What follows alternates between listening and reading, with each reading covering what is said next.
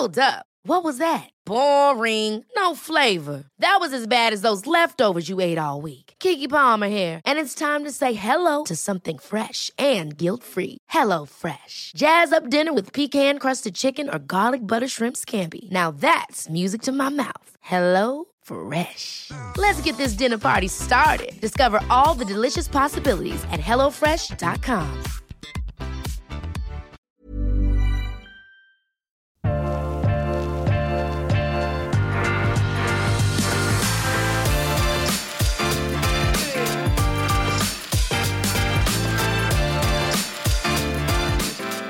I denne episoden har vi besøk av en velkjent gjest igjen, vil jeg si. Og eh, det er en stund siden du har vært her eh, nå. Sist gang snakket vi jo om Pillarsen-suksessen, eh, men denne gangen skal vi lage det ligge. Vi eh, har invitert deg i studio rett og slett for å snakke litt om grillviner. Vi, vi, snakker litt om Vi er litt sånn i, i mai måned. Vi, eh, varmen har sannsynligvis kommet.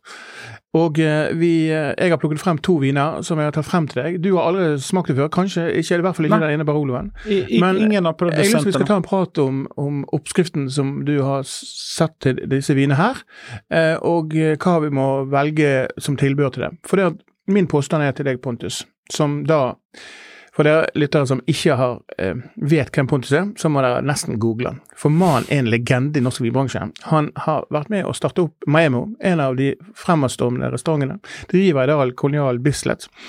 Er en, en mann som, som har en veldig god smak. Men han har den ydmykheten at han kan sette mat til enhver vin han får av seg. Men han liker ikke Prosecco, det vet vi fra tidligere episoder. Han er glad eh, å være ishockeypappa, og han har en fire, fireløstrekker Land Rover som parkerer ulovlig i Bygdøy allé av og til for å kjøpe Hva for salat var det?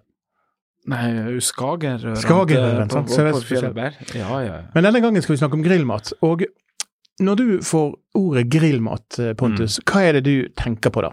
Nei, det er jo like bredt som å si det asiatiske kjøkkenet.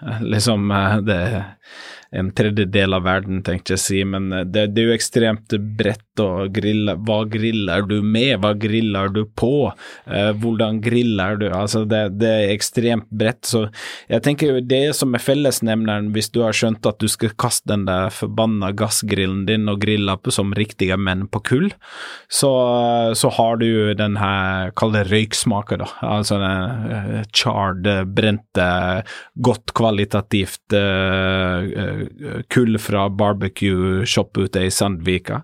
Det er jo fellesnevneren. Men ut ifra det så det, kan du grille alt fra grønnsaker til skalldyr til uh, kjøtt til fjærkre til uh, potet, hva vet jeg. Ja. Men det er viktig å ha riktig utstyr. Ja, ja, og, og ja. Det, det, er ikke kjønnsavhengig, så du sier du må ikke, du må ikke være mann for å grille. Nei, absolutt ikke, men, men, men, det. Eh, men, eh, det er jo som så at eh, liksom vi mannfolk vi er jo ekstremt beroende av å få den der kredibiliteten, ikke sant. Det er flotte urverk, det er gode sko fra Dagestad, det er fine biler, det er dyre dresser og alt det der, men da holder det ikke å grille på gass. Altså, en, en mann Griller på kull. Ok, det var godt å høre. Men hvis du tar det til side, så tar vi ned ok, nå skal vi ha godt utstyr. Vi, har, vi griller på, på, grill, så må vi snakke litt om, kanskje om råvaren. Mm. Og hvis du skal eh, ta oss og peke ut hvordan finner du gode råvarer til grill. Du sier innledningsvis at du kan grille hva som helst, men la oss ta litt fisk og kjøtt, da. Ja. Hvor går du henne i kjøttkvalitet? Nei, altså kjøttkål, det handler jo Jeg er jo veldig glad i å ta sånn um, til eksempel um, Kanskje kjøttstykker som, uh, som du uh, ikke bruker til vanlig. Altså på sommeren så kommer det jo alltid denne eh, artikkelen midt i fellesferien eh, på er det Dagbladet eller VG som det er 'Nå er det kjøttkrise'. eh, utropstegn. Og så går alle inn og klikker, og så er jo landet tomt for indrefilet som er ganske kjedelig kjøttbit, eh, for å være helt ærlig. Men det er mørt, ikke sant, for folk tror at kvalitativt kjøtt eh, At kjøtt er kvalitativt hvis det er mørt, men indrefileten har jo så å si ingen uh, smak. Men uh, det finnes så mange andre, altså jeg er glad i hangersteak, butcher's cut, vi er nede litt på siden av uh, magen, helt enkelt. Det er kjøttstykker som, som har mer smak, litt mer motstand. Uh, ja, teksturmessig. Uh, mer av tekstur, ja. Uh, tynne skiver. høy, høy varme. salt, pepper. Når du tenker at det er nok med salt og pepper, så tar du like mye til. Eh, grilla et minutt kanskje maks på hver side. La hvile noen minutter, og eh, bare med en bitter salat, kanskje en olivolje. Ingenting annet. Liksom helt i sin reneste form. Altså kjøtt, salat, grønn uh, olivenolje, sånn du vet, toskansk, ja. som kan være helt sånn spicy. Uh, og that's it. Og en god, uh, juicy, litt sånn fersk, rå rødvin til. Det syns jeg er superdeilig. Og det var det første jeg kom å tenke på når vi har uh, uh, Reid Spitzenberger. det, det høres så hardt, jeg må bare si det sånn. Uh, du kan fortelle mer om vinen. Jeg har aldri smakt den tidligere, men jeg smakte litt før sendinga, og da, det er liksom det første jeg tenker på. da. Uh, hanger steak. Tsk, tsk. Ja. Bittersalat, litt andiv, olivenolje, salt, pepper, ferdig. Ikke diskuter. Lydene som nå Pontus sier, det er hvordan man steiker, da. Ja. Altså, sånn, det er jo steike. det er jo bra.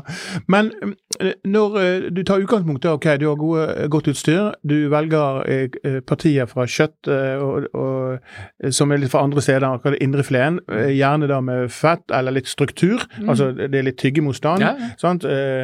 Og så steiker du det kort på høy varme, for du har jo kull, så du har jo to, to temperaturer på kullet ditt. sant?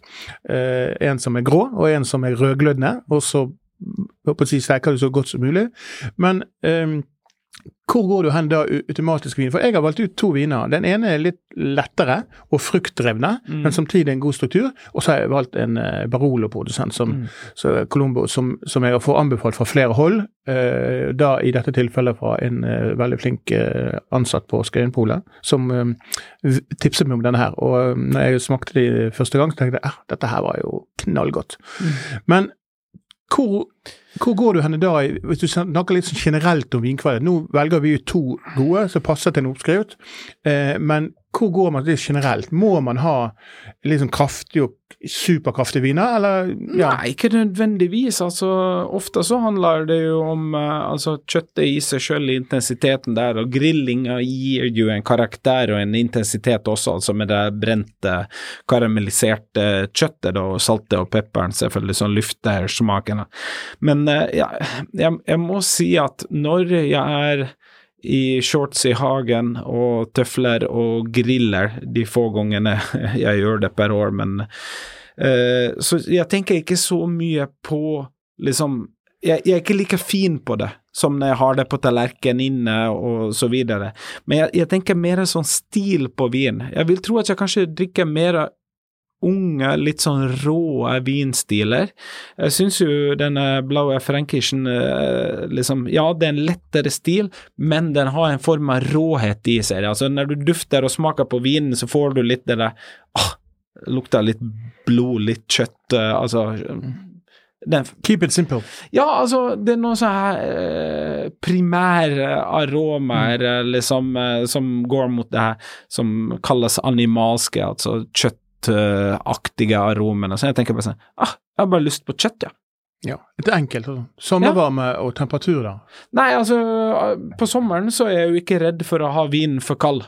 For det er såpass varmt ute at det fort uh, går opp i, i Så da rødvin i kjøleskapet? ja. ja, why not? Ja. Eller en isbøtte. Altså, jeg var på restaurant for noen dager siden og drakk en rødvin uh, som var romstemperert og hva har folk inne 23 grader, ingen anelse. Uh, og så ba jeg om en isbøtte, og så pendler den litt opp og ned. Heller for kald for den blir jo varmere enn for varm, og så blir den kokt, ikke sant. Og det, det er for å roe vinen litt, grann, få ned alkoholen, at de små molekylene blir mindre bevegelige, så at du får fram den der rene frukten bedre, om vi sier sånn. Men når du snakker om temperatur, Pontus, så ja, du må sette den i kjøla, ta den litt opp og ned og sånt, men samtidig så er jo det en temperatur der. Og eh, er det slik at en Barolo og en østerriksk uh, Blaufränkisch trenger den samme temperaturen? Eller er det en smakssak? Någonstans der så er det jo en smakssak, men jeg mener jo at vårt ansvar som eh, jobber med dette i daglig, så er jo å kommunisere at uh, alkohol har en annen funksjon, eller, eller, faktisk har en funksjon utover at du blir uh, handsome og god til å danse og velartikulert og alt det her, ikke sant, som ja, kall det det sosiale glidmedlet i vin, da. uh, men alkohol er jo altså små molekyler som er bevegelige, og disse reagerer på temperatur. Så desto høyere temperatur, desto mer bevegelige er de, enda til de kommer til, jeg husker ikke mer, x antall mm. grader celsius når de blir flyktige, og da begynner jo en annen morsom prosess som er destillasjon, ikke sant. Mm. Men uh, hvis du uh, kjøler vinen, så blir den roligere, det vil si at den lufter ikke smaken like mye. Og når du drikker en enkel medioker vin uh, på, på en sommer etter middag, og du har kjøpt en lett suave, for guds skyld, bare kjør den på fire grader fra isbøtta. Eh, det har ikke så mye mer å by på. Men drikker du en god hvit burgunder fra en toppårgang, kanskje med litt monar, Altså, du kan drikke den i det vi kaller romstemperatur, 20 grader uten problem, for alkoholen lufter smaken, alt som finnes i vinen.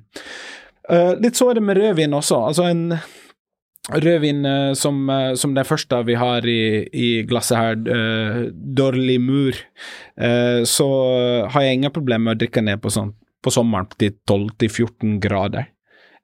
men er det 3.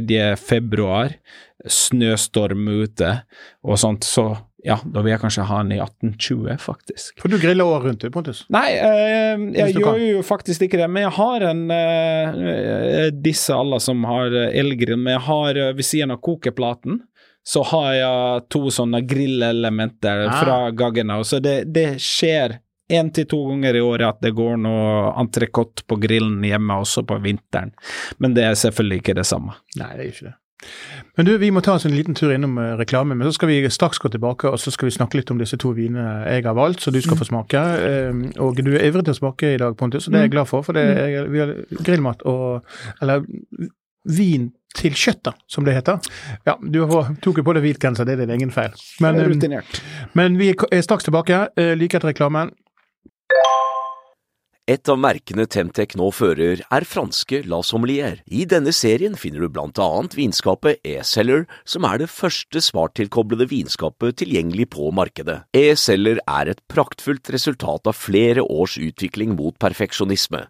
Estetisk tiltalende design med vakre finisher, det nyeste innen kjøleteknologi og nøyaktighet i hver minste detalj. Organiser vinsamlingen din i det smarte hyllesystemet utviklet for å romme et stort antall flaskeformater, opptil 9,5 cm i diameter.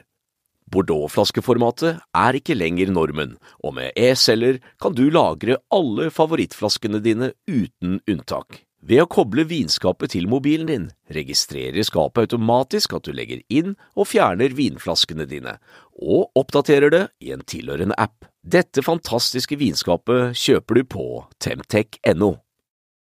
Og Nå er vi tilbake igjen, og i pausene her så um, fikk jeg frem et lite smil hos Pontus. Han likte denne litt østerrikske varianten fra Dårlig Mur er en produsent som um, er kanskje mest kjent i Norge for å være, ha vært kona til Dirk Nierport. Mm. Men hun er en veldig god mediestrateg i eh, vinverden. Driver sitt eget eh, mediebyrå innen vinkommunikasjon. Men hun har også sin egen familiegård, eh, der hun har arvet noen få hektar, har utvidet den. Og så har hun da eh, sørget for at dette gamle østerrikske vinområdet skal skinne som de beste burgunderne. Og i gamle skrifter som hun har funnet frem, og så har hun da på en måte sakte, men sikkert, med først hjelp av Dirk Nerpot som et, sam, som, et, som et samprosjekt, men nå gjør hun det alene. Så har hun laget opp en liten sånn skatt som du måtte være oppmerksom på, som er i Norge. Og jeg eh, er spent på hva du synes. Eh, og la meg si med det egne ord, eh, eh, Pontus, hva syns du om denne Spitzeberger? Eh, som ja. har litt, eh, litt spisse ord på seg, men det er en vin. Hva syns du? Altså, du sa druen her var blaue frankish, ja. ikke sant? Det er en ung ferskvin 2019-årgang. Vi har snakka om kjøtt, og vi har snakka om grilling, og det er jo eh, Kall det et kjølig klima eh, for vindyrking. Her er vi på 13,5 eh, alkohol på etiketten. Og det er jo faktisk sånn så at i dagens lege så begynner det nesten å bli uvanlig. Vi er jo ofte oppe på betraktelig høyere, altså 14, 14,5 og noen tilfeller enda mer. Jeg, jeg syns at det har en sånn behagelig uh, ungdomlig råhet og frukt. Det her er ikke en vin som jeg ønsker å liksom putte i kjelleren i mange år, utan det er noen ting som jeg gjerne kunne tenkt meg å kjøpe nå og drikke ungt og ferskt. Eh, ganske intens på duft. Dufta mye. Vi nevnte det også tidligere, med det litt rå, eh, liksom mørke bærpreget, kjernefrukt og liksom noe mot det der animalske primære smaken som er liksom blod, kjøtt og, og så videre. Men når du smaker på den, så er den nokså lett. Det er ingenting liksom sånn som Uh, Kall det en bombe i kjeften som bare uh, fyller opp, utan den avkjøler eller avslutter nokså kjølig og friskt, liksom. Eh, jeg syns det er en veldig god vin. Ja. Den, vin har, han koster i skrivestund 450 kroner. Ja. Og det er jo litt penger for en vin, eh, men for meg så er dette her Når jeg har smakt disse vinene her litt, på litt alder, så utvikler de seg lignende som en Nebbiolo, men med karakterer ja, det kan jeg tenke. Ja. Og eh, for meg så er det sånn at denne tanninstrukturen Og jeg har smakt en, en god del av hennes viner. Og alltid at herregud, hvor gode de er når de får utvikle seg litt. Mm. Men så har jeg, har vært så heldig å, å både kjøpt sjøl noen flasker, og vi har, vi har eh, kjøpt inn flasker her på huset, der vi har hatt det til, til mat. Der vi også Du vet jo når du tar en entrecôte, og så tar du og hurtiggriller den først, så du får en sånn der ja. steikerande eller grillelement på den, som mm. svir et sånn svart stykke over den. Og så lar du den hvile på lav temperatur lenge på grillen. Mm. Da får du frem en sånn helt sånn egenart, så du endelig synes denne malareffekten og den ja. sødmekarakteren. Og så har jeg eh, servert rett og slett bare rødvinsskyt igjen. Altså ja. superenkelt. Um, da har jeg følt denne her eh, passet. Men da har jeg valgt også stykker som har vært ikke gjerne for mye fett. Um, altså de entrecôte-stykkene med for mye fett, men et eh, par fint snitt på det. Ja. Og når du går og handler kjøtt uh, til Kolonial Bislett, hvor, hvor, hvor, hvor, går du hen da på dyret? Liksom, for det, En restauratør i dag må jo kanskje bare indrefilet på menyen. Det går ikke an. sant? Det, nei, nei, nei, nei, så langt ifra. Men altså, er, er, det slik at du liksom, du skal frem på dyret, eller skal du bak på dyret, eller hvor går du helst hvis du skal Nei, altså, det Du sier, bruker uttrykket 'hvor går du'? Og da skal vi begynne med hvor jeg går. Og øh, jeg går til Annis. Øh, på ja, på mathall? På eller? mathallen eller nede i, i, Barcode. Dit går jeg. Og så går jeg inn, og så, så sier jeg nå skal jeg ha kjøtt. Og så sier de hva skal du ha? Uh, så sier jeg nei, det må du fortelle meg. For jeg er ikke slakter, eller hva, hva, han er vel tredje generasjons slakter, Daniel der nå, eller noe sånt fra Ringebu. Altså, hvorfor skal jeg fortelle han hva jeg skal grille? Uh, utan uh, han tar ofte den holdningen, eller noen av hans utrolig flinke ansatte, så sier de 'jeg ville ha grillet'. Og det er sjeldent de kjente, edle delene. Og så er jeg såpass ydmyk, fast man kanskje ikke skulle tro det, eh, at jeg sier ja, men hvordan skal jeg grille det, og med hva? Og da får du klare direktiver. Sen kan jeg nok finne ut vinen, hva som skal drikkes til, men det er noen ting i det der med kunnskap og, og lytte på de som kan. Jeg mener jo ikke at man uh, skal lytte blindt, men uh, om du finner fram til de beste, som i min mening Annis på Mathan er, og i Barcode, Spør de. Spør hvordan du skal tilberede. Eh, da vil du få gode, gode svar. Og Det er faktisk den ydmyke holdninga jeg tar ofte når det kommer til kjøtt. For jeg kan ikke så mye om stykningsdeler, tilberedninger, temperaturer. Ja, jeg kan google osv., mm. men der får du førstehåndsinformasjon. Akkurat som du får av de gode folkene på Skøyen polet, eller på Aker Brygge, eller på CC Vest uh, Bekkestua, hva det måtte være, så får du de gode svarene. Gjør det oppå kjøtt. Altså, hvis du bruker 400-500 kroner på en flaske vin, for guds skyld ikke gå inn uh, på Kiwi og kjøpe en vakuumert uh, ku som har stått på betonggulv i sin egen dritt i 15 år og deretter blitt slakta på Nortura. Hva, hva er poenget? Bruk litt tid på råvarer og mat og på vin, så vil du få de gode opplevelsene. La være en kommunikatør mellom slakteren og Vinmonopolet. Altså den ansatte på Annis og den ansatte på Vinmonopolet. Hør og lær. Du vil få en bedre måltid. Ja, jeg godt råd, eh, Pontus. Hvis vi hopper over til den neste vinen, og denne episoden skal ikke være så veldig lang, for den, den handler litt om to enkle viner. til en ganske, altså Det ene koster 450 kroner, og den neste vinen som vi har, jeg har valgt ut til deg, eh, 630 kroner, eller 625 var helt nøyaktig. Det er en Barolo eh, fra, fra en produsent som som for meg er nesten litt ny, eh, men eh, Segni de Langa er jo en produsent som er for meg eh, Akkurat med en gang så tenker jeg åh, denne her må vi dekantere litt. Grann. Denne må luftes litt. Grann. Den er litt tett. Men den har eh, 40 dagers skallkontakt. Eh, han eh, modner først på store og, og, små fart eh, i 18 måneder, og så litt i sement, og så kommer liksom eh, clouet her. da. Han er, den her har vært i amfora. Så du har en produsent som er litt sånn nytenkende. Eh, men det gir ikke utslag akkurat i denne årgangen her. Men men for 650 kroner for en, eh, eller 630 kroner for en Barolo, så er jo det mye vin for pengene. Og hva syns du? eh, Det første, hva er førsteinntrykket ditt? Og hva syns du egentlig om Barolo? Nei, jeg elsker jo Barolo. Jeg, synes jeg sliter jo litt med, med Barolo om dagen, for jeg syns at de begynner å bli så høye i alkohol. Ehm, så jeg liker liksom litt de mer høyt beliggende vinmarkene, litt uh, kjøligere, friskere stiler, og kan la oss si de eldre årgangene, uh, hvor eh, alkoholen var litt lavere. Det er jo ikke uvanlig å få Barolo på 14,5 eh, prosent alkohol om dagen. Uh, jeg har aldri smakt eh, produsenten eh, tidligere. Eh, jeg har også hørt om den, men det har ikke vært noe sånn urge, for eh, eh, når du sier amforet i meg, så er jeg litt sånn at uh, Ja, må jeg da smake det? uh, jeg, jeg var ikke klar over det, og jeg hadde kanskje ikke spottet det heller, liksom, men det er liksom litt sånn Det er ikke alltid det at man må liksom uh, På grunn av at man er nytenkende og utfordrer eh, systemet, så, så blir det bedre.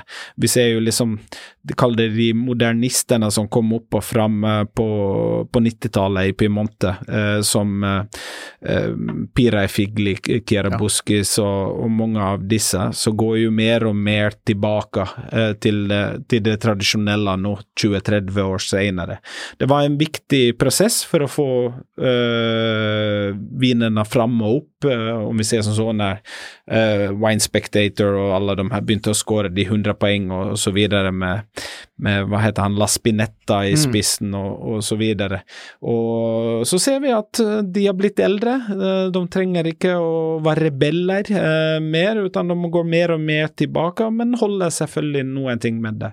Og så har jeg vært en del av, av dem sine viner, og så kommer det nå en ny yngre generasjon igjen som skal liksom utfordre med, kall det natural uh, winemaking styles med amfora og oksidasjon og ekstremt opulente big tits, big cleavage-viner som jeg kanskje ikke syns er så veldig spennende. Det er, en, det, er en relativt mektig Barolo, dette. Det, det, er en, det er en som krever litt dekantering, og du nevner alkohol som en sånn Og jeg kjenner deg såpass godt, Pontus, at du reagerer litt på alkoholnivået her. At det er litt høyere. Men du kan bruke det til positivt. Når vi da innledningsvis, også før reklamen, også snakket om grillmat, ja, ja. så kan du avdempe denne alkoholen og bruke den til noe. Ja, og kjøle ned den litt, ikke minst for å roe alkoholen. Altså, det, det, det første Hvis jeg hadde fått denne vinen i eh, blindsmaking med Fergen uh, Hør og det er 2019. Så hadde jeg vært usikker på om jeg hadde begynt en gang på 90-tallet eller veldig tidlig 2000-tall. Altså, Fergen tilsier at denne vinen burde være 20-30 år gammel. Er vi enige?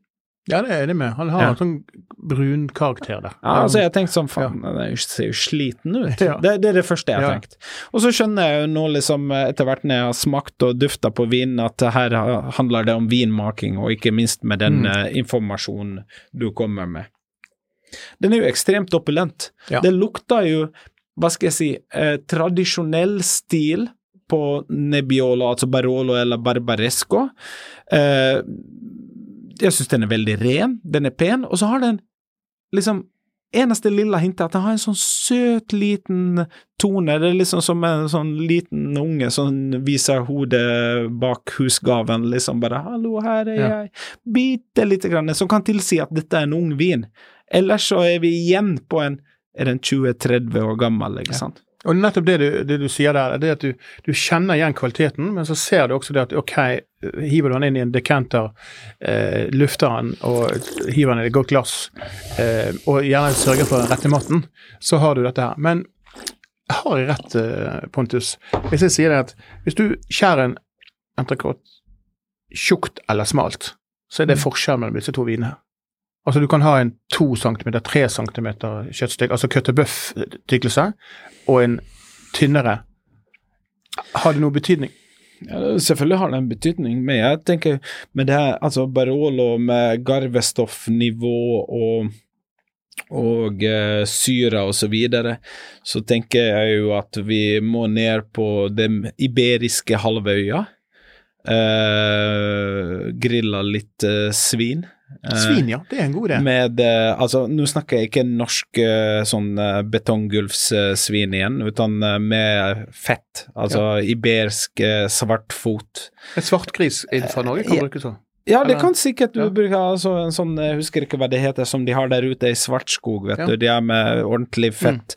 De, har De mellom- krøllete Ja, jeg står helt stille Ja, ja. på hodet mitt. Men al altså, Iberico uh, samme, samme dyr som det blir pata negra av, Mm. ikke sant? Der finnes det masse god gris. Dette får du hos vel uh, renommerte slaktere rundt om i byen. Koster ingenting. Eh, altså fett, fett, fett. Fett vil du gjøre. Ja, Ja. Fett. På Så grunn jeg- av syren og Ja. det. Så jeg tenker ikke liksom entrecôte eller storfe. Jeg vil grille ordentlig svin med mye fett. Mm. Altså, tenk deg ribbe, liksom. Ja. Ikke for at vi skal grille ribbe, Nei. men Men Nei, type, så, så type hverandre. eh, svin. eh, eh, garnityr, ja Litt hva du behager, tenker jeg. Mm. Jeg er sjelden på sommeren så jeg tenker saus. Ja. Eh, spiser ofte kjøtt. eh, tenk det er en sånn klassisk eh, potetsalat med krem fresh, eh, ferske urter i. Dra opp litt det der grønne nebbiolo-smaken er purferska.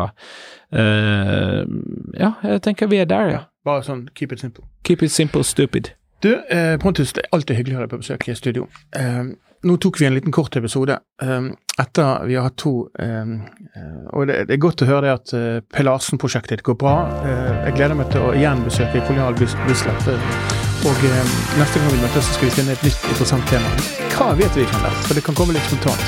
Men igjen, skål. Og oppskriften til, til den beste grilloppskriften for Pontus, den finner du like under denne episoden. her. Skål. Skål. Pontus.